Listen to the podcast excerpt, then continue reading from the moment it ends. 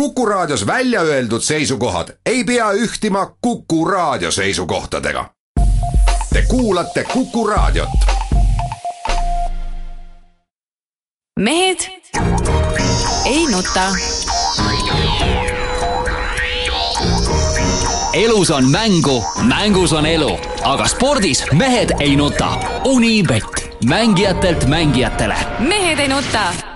tere teisipäeva, Mehed ei nuta eetris, Peep Pahv Delfist ja Eesti Päevalehest, tervist! Tarmo Paju ainult Delfist, tervist! Jaan Martinson Delfist, Eesti Päevalehest ja, ja igalt poolt mujalt ka ja no kas meil poliitikast on midagi rääkida või? No nii palju on, et, et äh, kui ma siin nüüd mõtlesin, nüüd on see kuulus maksupakett, mida nad siin kõik kokku ajavad ja mi-, mis peaks Eesti rahva elu oluliselt paremaks tegema, eks, et noh, et mu-, muidu neid ka- makse ju ei äh, ei määratakse kõik nii ja siis, kui nüüd IRL ütles, et, et ikkagi kahe maksuga nad äh, nõus ei ole, selle peale siis Keskerakond ja Jüri Ratas ütles, et no okei okay,, ei ole nõus, siis siis ei ole nõus see ongi koostöö, Jaan. ei noh, mis mõttes tähendab koalitsioon, see on kolm osapoolt, eks ole, kui üks ei ole nõus mm. -hmm. konsensust ei ole, siis, siis ei olegi, no midagi teha ei ole. Peebukene, jutt käib sellest, et me tükk aega mõtlesime, millised maksud kehtestada selleks, et Eesti elu oleks parem. järelikult siis Eesti elu ei saa paremaks ei no, nüüd. jõuti arusaamisele, et see ei tee Eesti elu paremaks. no kuidas siis nüüd äkki, tähendab üks inimene ütleb, et ei, neid makse ja kohe öeldakse, et nojah, teeme siis nii, enne seda ju tükk aega analüüsiti, ma arvan, et, et kõik arvutid aina huugasid ja, ja, ja kõik pandi täpselt paika, et, et kui head need maksud on. no nagu täna lugeda võisid, väga ei, ikka vist piisavalt ei arvutatud, kuna kuna siin üsna kiiresti selgus, et äh, mingid eelarve puudujäägid on äh, tegelikult suuremad, kui need välja arvutati. no Tarmo Kene null hämmastab, aga mind hämmastab, viitsite ikka veel rääkida ka sel teemal. sporti oli nii palju eelmine nädal, et et las see poliitika olla. Tarmo, null koma viis protsenti, null koma üheksa protsenti, mis pagana vahe seal on? no ei olegi noh, ega sinu elu sellest ei muutu ju. no absoluutselt, nii, kuule, Peep, käisid Portugalis, kuidas Portugali maksud olid? olid Portugali maksud on nii, et ütleme nii, autod tankides äh, diiselkütusel erilist vahet Eesti hindadega ei olnud. natukene oli kallim, aga mitte, mitte märgatavat. et viiekümne euroga sain paagi uuesti täis igatahes autol. Kui mina käisin Portugalis Lissabonis, siis söögihinnad olid ka noh, ütleme söögihinnad on jumala odavad ju. Ütleme nii, et ma käisin õhtus söömas äh, äh, täiesti kesklinnas, elasin äh, kesklinna, ütleme hotelli vastas seal, käisin äh, põhimõtteliselt kõik õhtud ühes ja samas äh, kohas, kuna mul seal olid väga head söögid. Ja praad, õlu, kaheksa eurot ja, ja kusjuures Ja- ja praad on suur- suur, suur suur, praad. suur, meeletult suur praad, jah. ja, ja, ja, ja, ja väga, väga tipp-topp selles suhtes, et rääkida midagi sellest, et Eestis on kuidagi odavam kui niisuguses riigis, see ei ole küll nagu mitte mingit põhjust. jah, Kas aga millevõrd ma usun, kas millevõrd ma usun, et näiteks Portugali inimeste palgad on ikkagi suuremad kui Eesti kas inimestel. siin mitte üks kolleeg meil just ei jaganud siin mingi päev, kui ilmad ilusaks läksid, oli see kaheksa eurone õlu Raekoja platsis ja või?, ja aga ta on odavamaks läinud, sest öö, piir on olnud üheksa eurot. Nii et, et ühesõnaga praegu on täiesti äh, absurdne, ma elasin seal äh, Guimaresis, eks ole, mis on see ajalooline vist Portugali pealinn isegi vist kunagi olnud. et ja, ja see tõesti seal, seal täitsa kesklinnas, seal oli ka rallistart, eks ole, ja, ja, ja see oli, seal oli turiste, seal oli hotelle ja kõiki asju, see ei olnud mingi niisugune, mingid kohalikud käisid seal. välismaalasi oli päris palju seal jutu, noh, kõne järgi oli kuulda ingliskeelset juttu päris palju ja seal küll ei olnud midagi, et nüüd tahetakse sind verest tühjaks imeda, no ma räägin täiesti normaalsed hinnad, sama, mis lähed siin Eestis kuskile välja sööma, oli seal samamoodi ja ja tõesti suurepärane, mul ei ole küll ühtegi, ühtegi etteheidet ja ka poes ja muuseas õlu, ostsin endale ka hotellituppa natuke siin õhtul. Ja, ja seal, seal ei olnud küll pooleliitrised pudelid, olid null koma kolmesed pudelid, aga aga õlu maksis, null koma kolmene pudel maksis kolmkümmend seitse eurosenti. Pole paha ju. ja mul ei tule nüüd ette, kes seda sotsmeedias jagas ja mis Super riigis see oli, kes rääkis, kes rääkis, oli see nüüd äh, vot ei tule meelde, oli see mis riigis, võib, võib-olla oligi Tšehhis näiteks, kus Hruštšovitši õlu, mis on väga hea õlu kusjuures, oli kas midagi kolmekümne sendiga või? no just, meil maksab äh, ütleme ilma allahindlustada euro viiskümmend umbes. vähemalt. nii, kuule, aga aitab nüüd õllest, räägime nüüd enne kui me ralli juurde läheme muidugi, ei saa ütlemata jätta, saluut Aruküla käsipalli noortele, kes tulid Eestis pronksile aga ühte asja veel ütleme, et saluut ka Tarmole, kellel on täna sünnipäev muuseas. täna palju õnne, jaa, kus on fanfaarid? jah, kolm medalit kolm medalit Aruküla spordiklubil mis see medalid, ei see on tubli ja su poiss, ma saan aru, tegi- oli, oli golkipper, et see, selle kiidame kõik heaks. aga nüüd tagasi toimetusse minnes me ootame napsulauda loomulikult, Tarmo. jah, sünnipäeva puhul ja torti. sind ei ole tööl, sul on vaba päev, nii et Ei ole, täna ei ole. sissegi See on täna. vaba päev, jaa, ei ei ole. täna, Ei täna on ole. Ei, vaba päev. Rossoljet tahaks saada Jah. ja torti ja viina, ja külma haljast. nii, aga lähme ralli juurde. ralli juurde, kuule räägi nüüd, kas äh, Ott Tänaku neljas koht Portugali rallis äh, on hea või pigem on ikkagi okas hinges?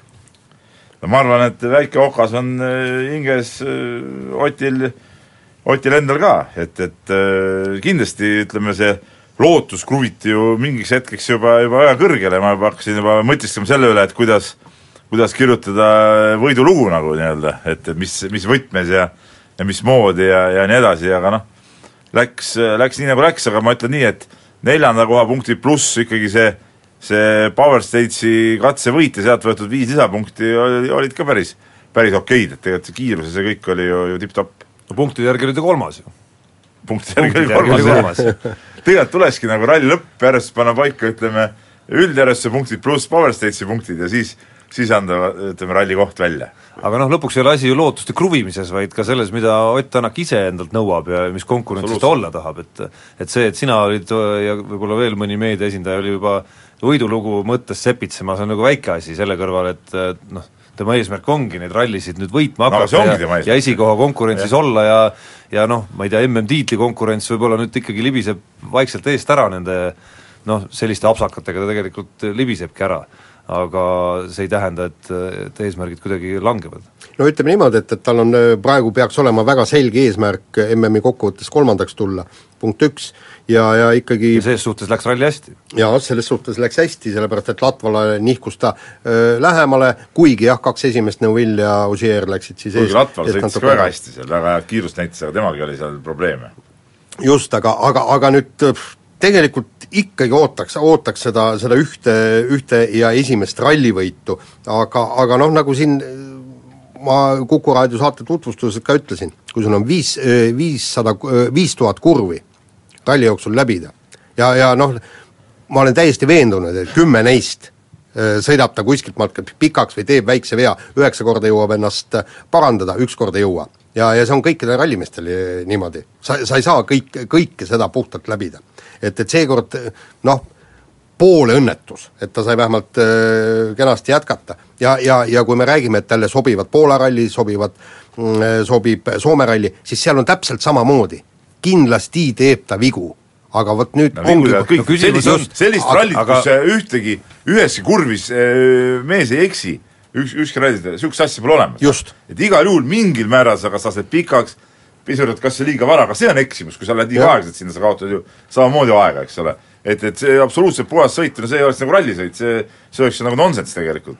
aga ma ütlen nii, et mina usun, et see esimene võit tuleb Poolas ära, ma ma arvan, et, et järgmisel etapil veel ei tule, et seal on nagu see võib-olla see raja iseloom ei ole päris selline, aga Poola on olnud tema jaoks ikkagi, ta võitis seal WRC kaks autoga, ta oli äh, tiim-äkkidega seal kolmas, ta oli eelmine aasta peaaegu võitnud seal, eks ole, et, et äh, see on talle ikka üks kõige, kõige, kõige no, sobivam no seal, seal võib juhtuda, tähendab, Ott Tänak on sellel tasemel, et, et võib juhtuda kõik, et on kogu aeg ikkagi seal öö, konkurentsis sees, Monte Carlo rallit mäletate, kui tal ei oleks silindrit, kaks silindrit töötamast lakanud, ta oleks teiseks tulnud.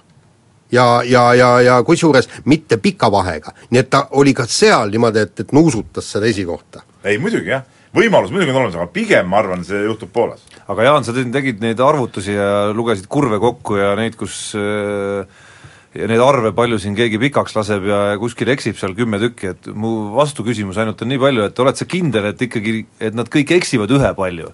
et äh, kui nüüd jätta see Oti üks eksimus välja, siis sisuliselt ta sõitis Ožeega ralli ikkagi noh, samas sekundis, sisuliselt nad sõitsid sama kiiresti see üks etapp välja arvata, Ja- ja eks, et oled sa kindel, et äh, kui nüüd panna neid sõitma, ma ei tea, viis rallit näiteks, sa-, sellesama kiirusega võrdselt sekund sekundis, et Tänak eksib ikkagi äh, vähem kui No. või ta, või või ei mitte tea. rohkem kui Ogier? Tarmo, me ei tea ju seda selles suhtes no ajalugu ütleb, et Ogier eksib vähe. Ei, ei, me- sel hooajal on Ožeer eksinud väga palju. just, ja ma tahaksingi to- no,, tuua näiteks selle ma rääkisin ka eile üldtabelis see ralli ikkagi väga palju ei kajasta. nii, ma, ma, ma tahaks öelda ka selle Monte Carlo ralli, seal oli niimoodi, et, et Ott Tänakult oli ikkagi võrreldes Osieega oli ikkagi väga puhas sõit, Osier ju käis seal välju, väljas paar korda, aga, aga õnneks niisugustes kohtades, kus ta midagi ära ei lõhkunud. Otil äh, säärast draamat ei olnud ja ta aga noh, suutis isegi viimase katse, täitsa hullumeelse katse mäest alla, kui ta tuli. ta öö, okei okay,, seal oli küll auto natuke vibas, aga seal ei tekkinud ühtegi korda, võib-olla ainult öö, finišis, kui külje ette ja viskas. ärge unustage seda, et ütleme, väiksematest eksimustest, mis ka aega mõjutavad, ega me neid ju muidu teada ei saagi, noh. et, et tegelikult ju seal ütleme, Ott peale seda, kui see õnnetus juhtus, ilma pidurita sõitsid, tegelikult tal läks seal üks kurv eh, veel läks natuke pikaks ja seal eh, ütleme, üks tagasipööre, ütleme, seal kaotati nagu aega, ma ei tea, kas läks pikaks, ütleme, seal kaotati aega selle pärast. et, et niisuguseid momente on ju veel tegelikult, aga me ega nendest kõik me ei tea, me ei tea, mis Ožeeril kogu aeg raha peal juhtub, me ei tea, mis mis Otil, mis, mis teistel juhtub, et need väiksemad apsakad on igal juhul nagu noh. jaa, aga noh, mõte on selles, et need kümned rallivõidud äh, Ogier puhul ja tiitlid ikkagi äh, annavad ette selle, et äh, eksimisruum konkurentidel on väga väike. ja ta, ta suudab puhtalt välja tulla ja, ja tal on võib-olla õnne ka natukene. mehed ei nuta. elus on mängu, mängus on elu, aga spordis mehed ei nuta. Unibet, mängijatelt mängijatele mehed ei nuta. jätkame saadet kiire vahemänguga ja Kelly Sildaru siis võitis Euroopa parima noore talisportlase auhinna. Ja eh, sai kena trofee, eh, kaksteist tuhat ka. ja pluss kaksteist tuhat eh, eurot stipendiumi ja, ja ei tegelikult see, vägev värk mul tajas kohe naerma ma lõikasin vahele jäänud, mul tajas naerma see, et et äh, võitis maineka auhinna, eks ole. Olgem ausad, enne seda ei tea mitte keegi, et niisugune auhind üldse olemas on, aga Jaa, vägev värk ikkagi. ja vägev värk ikkagi ja vaata siin, siin, siin ma tahakski eh, öelda, noh, räägitakse, et, et raha on vähe Eesti spordis ja, ja pole võimalik otsa, otsaga kokku tulla. no näed, raha tuleb siit ja raha tuleb sealt, et ühesõnaga, kui sa oled tipus, ega siis ikkagi pappi on. no kus on, sinna teadupärast ikka tuleb juurde. Just, aga, aga, aga samas noh, kellele siis veel seda, ma tõesti noh ma ei tea, kuhu nad selle noore nagu selle joone tõmmanud on muidugi, seda ma täpselt ei tea. no mis kes seal üldse konkureerisid veel, on seda ka kuskil välja tema alal iseenesest ütleme, kogu selles äh, freestyle induses, lumelaonduses on muidugi enamik kõik noored. Jah, aga, aga teine, et seal mingisugused nimed olid, aga, aga ne- selge see, et, et neist ei teadnud keegi mitte midagi, noh, me, me ikka ei tunne seda Aga Mainek- äh, ei. noort, noort talisporti aga Mainekas pidi olema see, kuidas siis Jaan, sina kui Jah. nii-öelda suusaspets ei tunne siis või? ei no ikka ei tunne, jah sina oleks pidanud kõiki teadma. Aga, aga teine asi on muidugi see, eks, et, et kui sa võtad kaks juunioride maailmameistritiitlit ja oled ka täiskasvanute seas äh, tipus ja oled Kristiina ja siis võitsid ka, Katrin Šmigun ja võitsid ka maailmameistrit. jaa, aga, aga to, toona ei olnud seda mainekat auhinda, lihtsalt see on vist mingi kümnes kord või millal see välja on antud. aga noh, tore ikkagi, hurraa! nii, aga noorte juurest läheme nüüd äh, kogenute juurde ja ohohoo, legendaarne Tartu võrkpallilibero Rait Rikberg ootas ära oma aja, kolmekümne nelja aastaselt pääseb esim-, esimest korda välisklubisse ja üldse mitte kehva kohta Belgiasse. võimas. no äh, vägev, aga kolmkümmend neli ei ole ka mingi eriline vanus no libero jaoks eriti. jah. Et seal nagunii äh, vahepeal käid puhkamas seal ja kuigi, kuigi Lillerast taga hüppama praktiliselt ei pea, eks ole, oled seal tagaliinis ainult, tead, milles küsimus, tead. jah, kuigi teame ka sealtsamast äh, äh, kandist, Tartu kandist mehi ühelt teiselt alalt, kes selles vanuses juba pillid kotti olid pannud. no see on tiba intensiivsem mäng ka, vaata, see ongi, vaat see ongi see vahe. vaata, need sellest teisest alast, mis sa räägid, see on nagu mees mehe hammas hamba vastu, eks ole. Aga võrkpallis, vaat seal on võrk vahel, seda mängivad need mehed, kes nagu kehakontakti ei kannata, natuke hoiavad ennast ja nii edasi. mitte ma ei taha muidugi öelda, et Rikberg ennast hoiab, Rikberg on väga väga emotsionaalne ja võitluslik mees. No ma usun, et ma arvan, et talle sobiks muuseas see teine mäng ka väga hästi. ma usun, et sa ei taha öelda ka seda, et Tanel Tein tegi õigesti, et ta kuskil kolmekümne kaheselt juba karjääri lõpetas. no ta tundis, et äh, on aeg, siis on aeg. Loomulikult ma ei olnud selle poolt tookord, mäletan küll. aga kusjuures äh, selles mõttes on tore, et, et nii-öelda Tartu võrkpalli ikoon sai väljamaale, aga Tartu korvpalli ikoon Doronin ikkagi mängis kõik need ajad oma klubis, kuigi tal oli ka võimalus väljamaale minna, aga aga minu arust Francisco Albertis mängis ka kõik, kogu karjääri Ateena, Ateena Panathinaikoses, kas minu arust peaks talle ka ette heitma, et ta näiteks ei otsinud välislepinguid Kalevisse või, või Tartusse või Riia VEF-i või või ma ei tea, Tobosse või kuhugi no võrdlus on muidugi väga tabav, Peep, väga ma tabav. arvan, ma arvan, et täpselt nii ongi. et läks praegu hästi naelapea pihta ikka täitsa läks jah. no hästi paned. ei, aga miks üks on legend, kui ta on terve elu ühes klubis ja teine nagu see nagu ironiseeriti selle üle, täpselt sama tegelikult ju No kas see ikka omal tasemel on see täpselt sama asi. omal tasemel täpselt sama asi no selle vahega, et Albertisel nagu ei olegi kuskile nagu minna, okei okay, NBA, eks ole, aga sinna ega keegi seal ei oodanud teda. No aga kes Toronit ootas kuskil? no ikka kutsuti. võib-olla Ju tegelikult. saad öelda, et Albertis ei oleks NBA-s üldse hakkama saanud või? kindlasti oleks. ma arvan, et Oma- oma ta ei- hiigelaegadel. ma arvan, et isegi kui ta oleks tahtnud teda, ta ei oleks saanud sinna. arvad või? no nii hea mees ikka ei olnud. kuule, oma hiigelaegadel üheksakümnendate ma ei ole seal kindel. alguspoolel oli ikka ta väga hea mees. ta oli ikka Euroopa parim mängija enam-vähem. no mitte päris. no ikka peaaegu. sa olid liiga noor sel ajal, et seda teada, nii. kuule kiirelt järgmine teema. Mis sa kiirustad, Jaan? kell tiksub, kell peabki tiksuma. imekas aeg seisma jääks praegu. oleks. Aivar Kuusma, Rapla korvpallimeeskonna peatreener oli eh, hämmingus siis finaalseeria ajal, et, et ei tea, mida neile Kalevi mängujuhtidele vahepeal on sisse söödetud, et Kalevi mängujuhid ikkagi mängisid finaalseerias Rapla mängujuhid üle ja, ja nii oli. ja tõesti, tegelikult ega Kalevi mängujuhid nii Mirkovitš kui Sokk olid head kuhu finaalseerias. jääb nüüd uuriv ajakirjandus, Peep? Priit Tehismetsad, mehed, kõik tuleks võtta ikkagi liistule, mida, mida söödeti? jah, kas äkki ei, Leismets on aus mees, tema keelatud ainetega ei tegele. ei no keegi pole väitnudki, et keelatud ained pidid olema. jah, aga ma arvan lihtsalt eh, see oli hea vormiajastus, treenerite väga hea töö. ja nii ongi, aga, aga tead, no tõesti, nad mängisid hästi, noh. kuule, mängis kogu aeg eh, nii hästi, no Mirkovitš sealt küll tuli, aga ta, tal väga Ei no ärakukkumisperioodi Mirkovitš mängis ikka väga stabiilsel tasemel kogu aeg. jah, et Aga- niisuguseid mehi on nagu lust siin eh, ka Kalevis näha. Saku hooaeg oli muidugi väga kõikuv, aga lõpp oli, lõpp oli hea meil on kümme sekundit järgmiseks teemaks, eestlased ikkagi oskavad, Markus Jürgenson lõi eh, Soome jalgpalliliigas uhke oma värava ja Marko Meeritsa võrku. tegelikult oli värav ilus, vaadake videost järgi ja see oli väga ilus värav, aga nad võiks, kui nad juba nagu niimoodi koostööd teevad, leppige kokku, tehku teise värava noh. Selles Jah. mõttes, et see noh, Meerits on väravas, Jürgenson lööb värava, aga tehku see teise värava värav on värav, ära hakka virisema. jaa, täpselt nii, ja nüüd kuulame uudiseid. mehed ei nuta.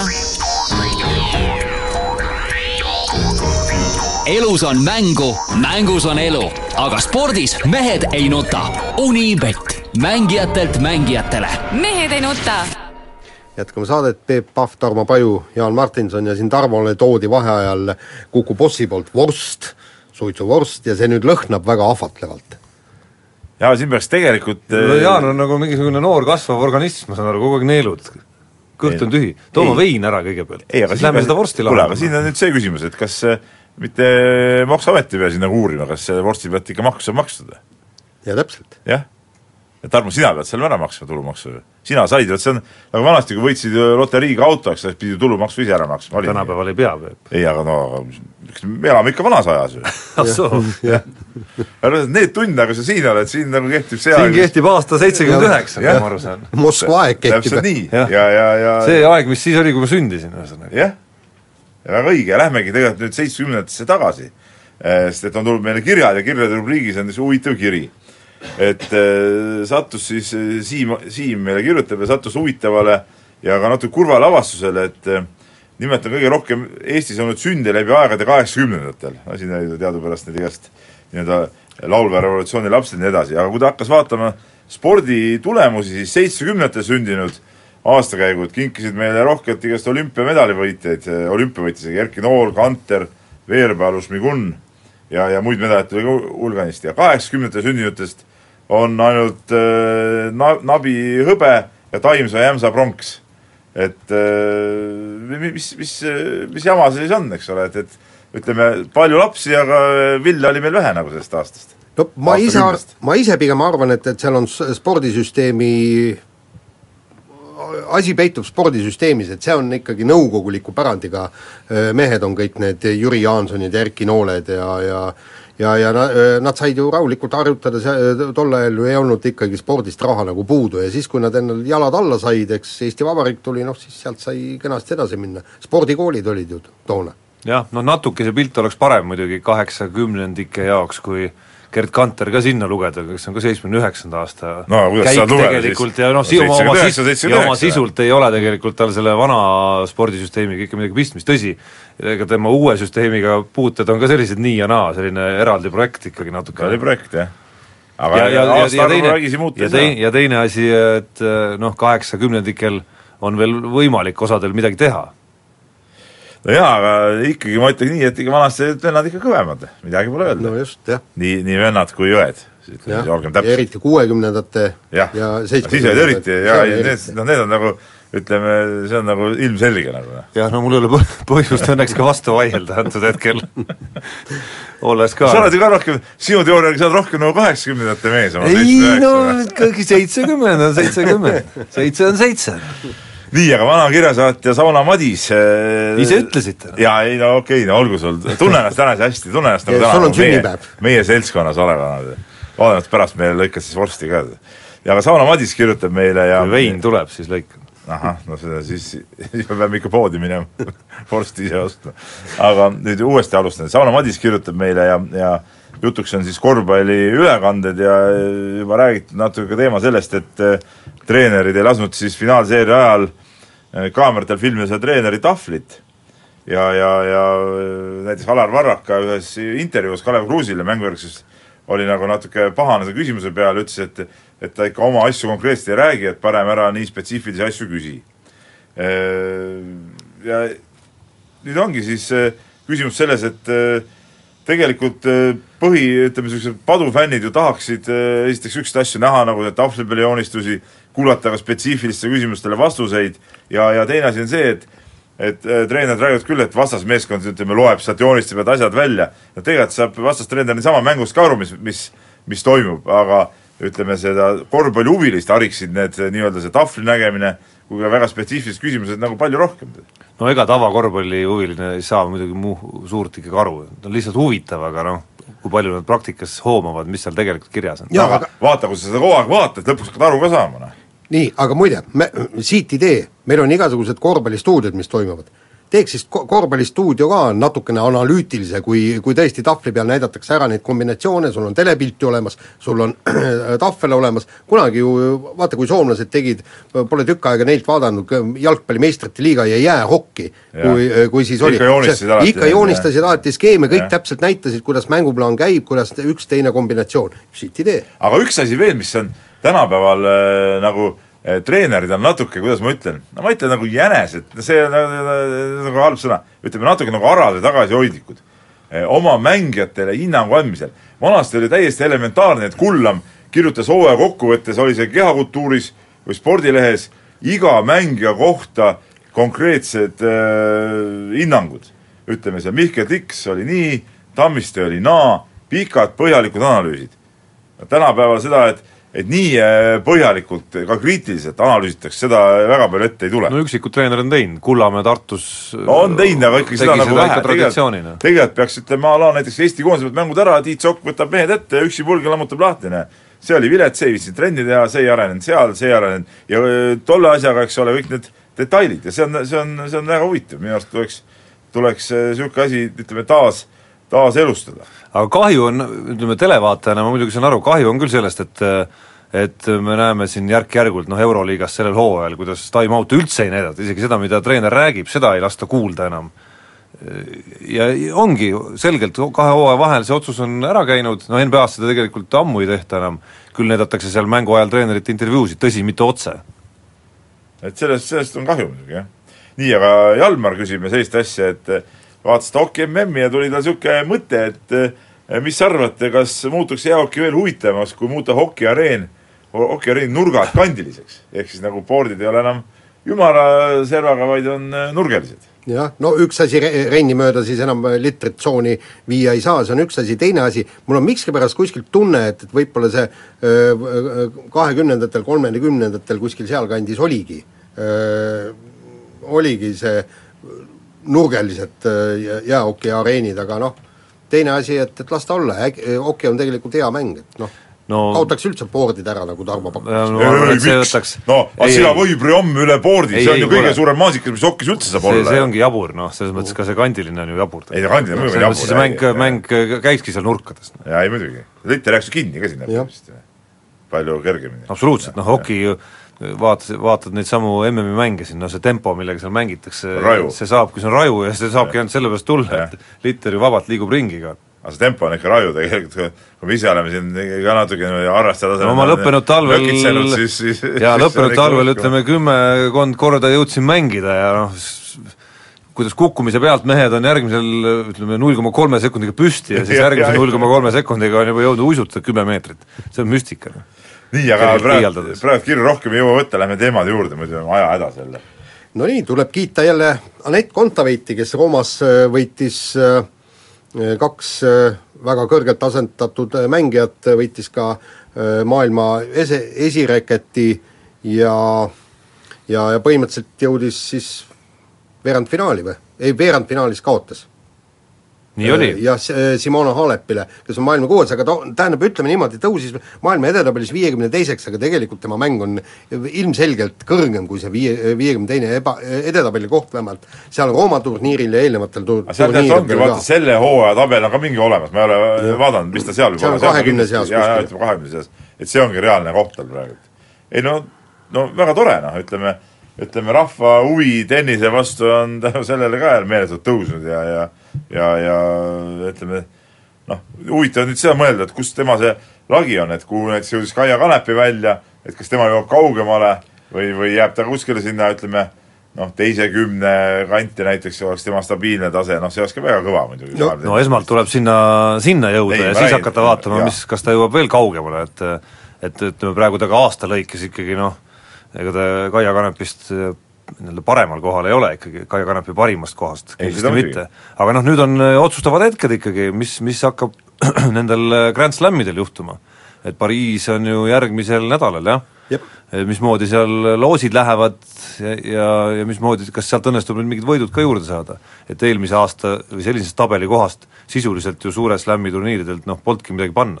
no ja ütleme niimoodi, et, et tal oli ikkagi kohe esimeses ringis alati väga tugevad vastased ja kõik, et aga noh, loodame, hoiame pöialt, praegu Eesti või mis Eesti, maailma tennis, naiste tennises on ju seis sedavõrd segane. segane ja niisugune ebasta-, ebastabiilne ja ei ole ühtegi selgeid liidreid ei ole, jah. no kui maailma esireket, noh, olgem ausad, oli ikkagi kehv ka Anett Kontaveidi vastu selles mängus, et Jah. kogu austuse juures äh, Anett Kontaveidi suunas ja ta tõesti tegi väga vinge turniiri jälle, siis ega Kerber nüüd esireketile kohaselt ei mänginud selles ei, mängus. absoluutselt mitte.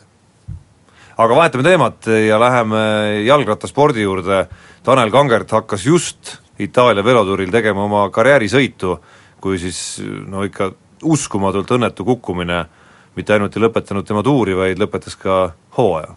ja loodame, et ei lõpeta karjääri, annaks jumal.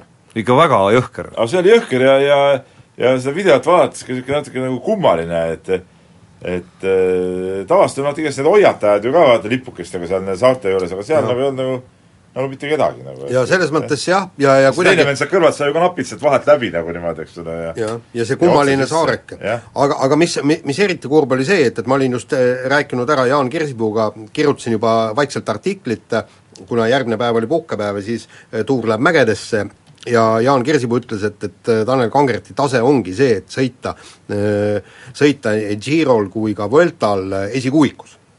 Ja, ja hea õnne korral äh, mahtuda kuskil esikolmikusse, isegi võib-olla kolmandale kohale ja kõik.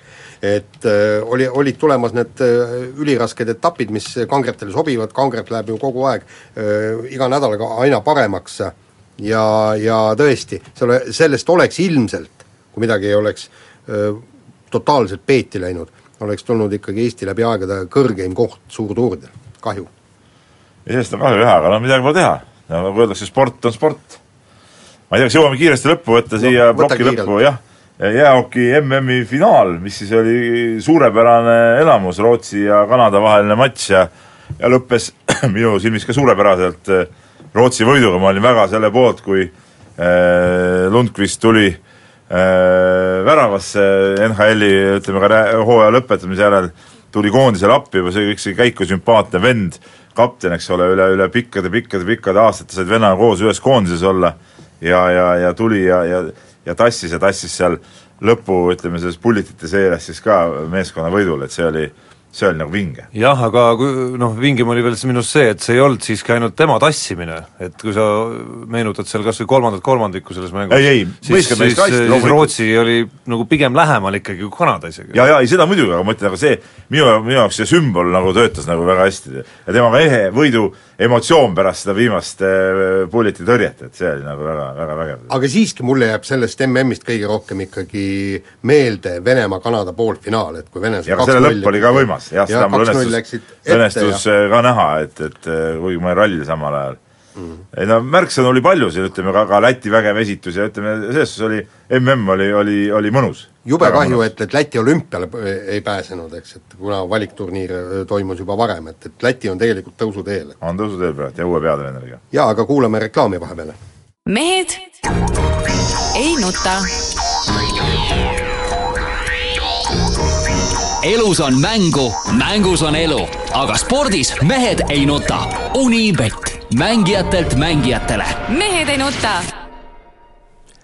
jätkame saadet ja viimane teema, loomulikult korvpalli täis, ilmselt ma saan kohe varsti oma suu kinni panna. sa saad just rääkida. vastupidi, Jaan, sina olid ju sina kajastasid ju korvpallispetsialist seekord. jah, ma, ma paraku pidin olema korvpallispetsialist no,. aga nüüd kuulame. Jah, aga küll, küll ma seda ei olnud ja, ja eks ma olen natukene pettunud, eks, et et et meil Eesti Päevalehes ja Delfis paremaid korvpallispetsialiste ei ole kui mina. sa said jälle Nii. valesti aru, vaata, see ja. oli jälle, see oli sul nagu väljakutse nagu, et sa ei läheks oma mugavustsooni nagu, nagu ergutada sind natuke, ka muude aladega tegelema, mitte et ju suusatamisse midagi ei jaga, nagu me aru saime, ükski noorsuusatajat sa ei tundnud, talisportlast, nüüd no pigem, pigem, pigem ma saan aru, see oli ikkagi selline nagu noh, nagu ülendad vaata algviisikusse mõne mängumehe, noore mängumehena, nagu tõstad nagu emotsiooni, on ju, annad nagu vastutust juurde, et selle mõttetu suusa asemel vahepeal kirjutatakse mingist nagu päris alast. nii, okei okay,, minu, minu emotsioonid olid muidugi need, et, et see Rapla on ikka tõesti vägev sats ja kõik see, et, et kuidas Rapla äh, Äh, rahvas on oma meeskonnaga nagu ühtne, kuidas, kuidas tõesti, milline kisa oli, kui Aivar Kuusmaale hõbemedal kaela pandi. et tõesti, et, et Aivar Kuusmaa on Rapla kuningas praegu. Ta võiks linnapeaks kandideerida hetkega. ja noh, aga midagi, midagi polnud teha, eks, tugevate, tugevama vastu jõud seekord ei hakanud ja ma ka-, ka-, kaldun arvama, et, et lähiajal ei, ei ole Raplal küll hõbedast äh, enamat võtta. no, küsimus selles, kas hõbedatki võtta on, nüüd ongi see küsimus, et mis, mis selle tulemuse pealt õnnestub äh, nagu ära teha, et, et kas kas üldse on võimalik tegelikult äh, näiteks ka rahalist mingit vinti juurde keerata? Et see on nagu suur küsimus siin Eesti oludes praegu. teiseks... teadupärast Rakvere Tarval äh, seda noh, ei õnnestunud nagu teha, et sealt veel samm edasi või, või teada, noh okei okay,, nad võtsid küll pärast neid pronksi, mis oli ka nagu noh, paar aastat oldi ikka väga heal tasemel aga ütleme, sealt edasi minna ongi praktiliselt võimatu ju jah, ja noh, teiseks, teiseks kui siin räägitakse sellist eurosarja mõõtmest, siis noh, ega see saal ei ole ka minu arust päris nagu eurosarja saal. kas seal mängida lubatakse üldse? ma ei ole päris ma kindel, kuigi noh, FIBA turniiridel seal noh, ei, ei vaadata neid asju võib-olla nii korrektselt, et teoorias ei oleks tohtinud siin Tartus ka võib-olla mängida aastaid juba, aga ikka, ikka mängiti. aga Raplas siis rääkimata, aga kui finaalist konkreetselt rääkida, siis noh, iga, igati nõus, et äh, nii-öelda nii-öelda endast mängis ikkagi minu arust Rapla selles finaalis nagu rohkem välja. Et äh, okei okay,, viimase mängu teine poolaeg nüüd läks nagu käest ära, aga üldjoontes äh, kui võtta, et seeria oli neli-null, siis võiks isegi öelda, et noh, sellist neli-nulli ma siis tahakski näha kogu aeg, noh, kui üldse neli-null, siis selline vähemalt neli-null. aga ütleme ka nii, minu arust Kalev mängis selles seerias ikka kehvemini, kui ta oleks pidanud mängima. minu arust ka. Et, et kui siin Alar Varrak rääkis mingitest kohendustest enne viimast mängu ja kuidas, kuidas siis lõpuks nagu jutud käima saadi, siis ma oleks oodanud tegelikult enamikes kohtumistes selliseid stsenaariume nagu viimases mängus. see pidanud nagu noh, Rapla meeskond kogu tubliduse juures, lõpuks nad mängisid seitsmekesi tervet seda hooaega. jah, et eh, jah, üks on üks ja teine on see, et ikkagi noh, ma ei tea, küll sai palju räägitud enne seeriat ka, see tasemete vahe oligi selline, et Kalev oleks pidanud selgelt ja kindlalt ilma teise ja kolmanda mängu mingisuguse äh, ärevuseta tegelikult need asjad äh, ära lahendama. sest noh, kolmas mäng oli ikkagi juba ju noh, tegelikult oli see Rapla võtta juba, see kolmas mäng. no mingi hetk nagu tundus, et isegi see teine mäng oli juba Rapla võtta, aga aga noh, teisalt jälle eks tugevam äh, võtab ikka niisugustes mängudes äh, ka selle lõpu tavaliselt ära, noh ja nii ongi, noh. et et võid ju mängida küll sa kõva vastasega võrdselt, võrdne, võrdne võrdse kolmkümmend viis, kolmkümmend kuus minutit isegi, aga aga millegipärast üheksakümmend protsenti juhtudest ikkagi tugevam paneb otsustaval hetkel viskab sisse, nõrgem ei pane ja ongi kõik. kusjuures see oli ka see põhjus, miks minu arust ei olnud väga tõsiseltvõetavad nagu need arvamused, kus seal leiti, ma ei tea, mis liinid on kuskil seal Raplal tegelikult tugevamad, isegi vaidlesime siin tagaliini puhul. aga see ongi see vahe, võta seesama Mirkovitš versus Bratoš, et üks mees on nii palju hooaegu mänginud ikkagi oluliselt kõrgemal tasemel kui, kui teine ja, ja, ja sealt tulebki see, et üks mees on finaalseeria MVP ja otsustas tegelikult noh, koos seal ütleme, Tollefsenid ja Sokud ja ja Simmonsid, otsustaski selle seeria ära. ja üks Kalevi omanikest ajasime seal juttu ja ütles, et vahe ongi see, et meie mängime Raplaga nii, nagu Himki mängib Kaleviga. Noh, mis, mis, mis täpselt nii ongi, mis on loogiline no.. sest ega Kalev ju ka selles VTB liigas mõne tugevaga mängibki ju, vaata see koduski kolmveerand aega on niisugune, et noh, kuule äge värk, tuleb, võidab ja lõpus ikka viie punktiga, kuue punktiga kaotavad näiteks, noh. Ja nii ongi, noh. aga Need... rohkem, aga noh, ikkagi rohkem kui sellel nagu finaalile järelevaatamine huvitab mind tegelikult, mis, mis siin mis ikkagi edasi hakkab saama, nii Tartuga, nii Raplaga, kui tegelikult kõige rohkem ka BC Kalev Cramoga, et et noh, ega see hooaeg kokkuvõttes ju edukas ei olnud ikkagi ei, aga ma lõpp, rääkisin eile Ivar Valdmaga paar sõna ja ta ütles, et ega me, me, me ei saa, me ei saa otsustavat rahasüsti, et tõusta järgmisele tasemele et nad jätkavad, äh, jätkavad ühisliigas jaa, aga ka sellel ta-, rahanivool on Kalev suutnud olla edukam ikkagi. ütleme, see mängupilt olnud ka päris selline, tegelikult kui sa vaatad seda võistkonda, siis see võistkond ei olnud ka päris äh, sellise tihedusega, nagu võiks olla. ma arvan, ka selle raha, rahavoo juures, kas või Eesti mängijate arveltki, ütleme, oleks võimalik seda tihendada seal kas või äh, üheksanda, kümnenda, üheteistkümnenda, kaheteistkümnenda mehe arvelt näiteks. Aga saate päris lõpetuseks kindlasti tahame ära mainida ka Istanbuli Fenerbahce ja Zeliko Obradovitši triumfi Euroliigas ja triumf see tõepoolest oli nii poolfinaalis kui finaalis ikka väga veenvad võidud saadi kätte ja ja mis seal salata, sümpaatne värk selles mõttes ikkagi, et okei okay,, rahad on suured taga, mitte küll kõige suuremad Euroliigas, aga Obradovitš läks, kohe ei võitnud, samm-sammult iga hooaeg lähemale, kuni lõpuks noh, nüüd Final Fouril polnudki küsimust enam. Obradovitš on punn, midagi pole öelda, nii on ja sellega on saade lõppenud, meie lähme sööma vorsti. mehed ei nuta. elus on mängu, mängus on elu, aga spordis mehed ei nuta. Unibet, mängijatelt mängijatele. mehed ei nuta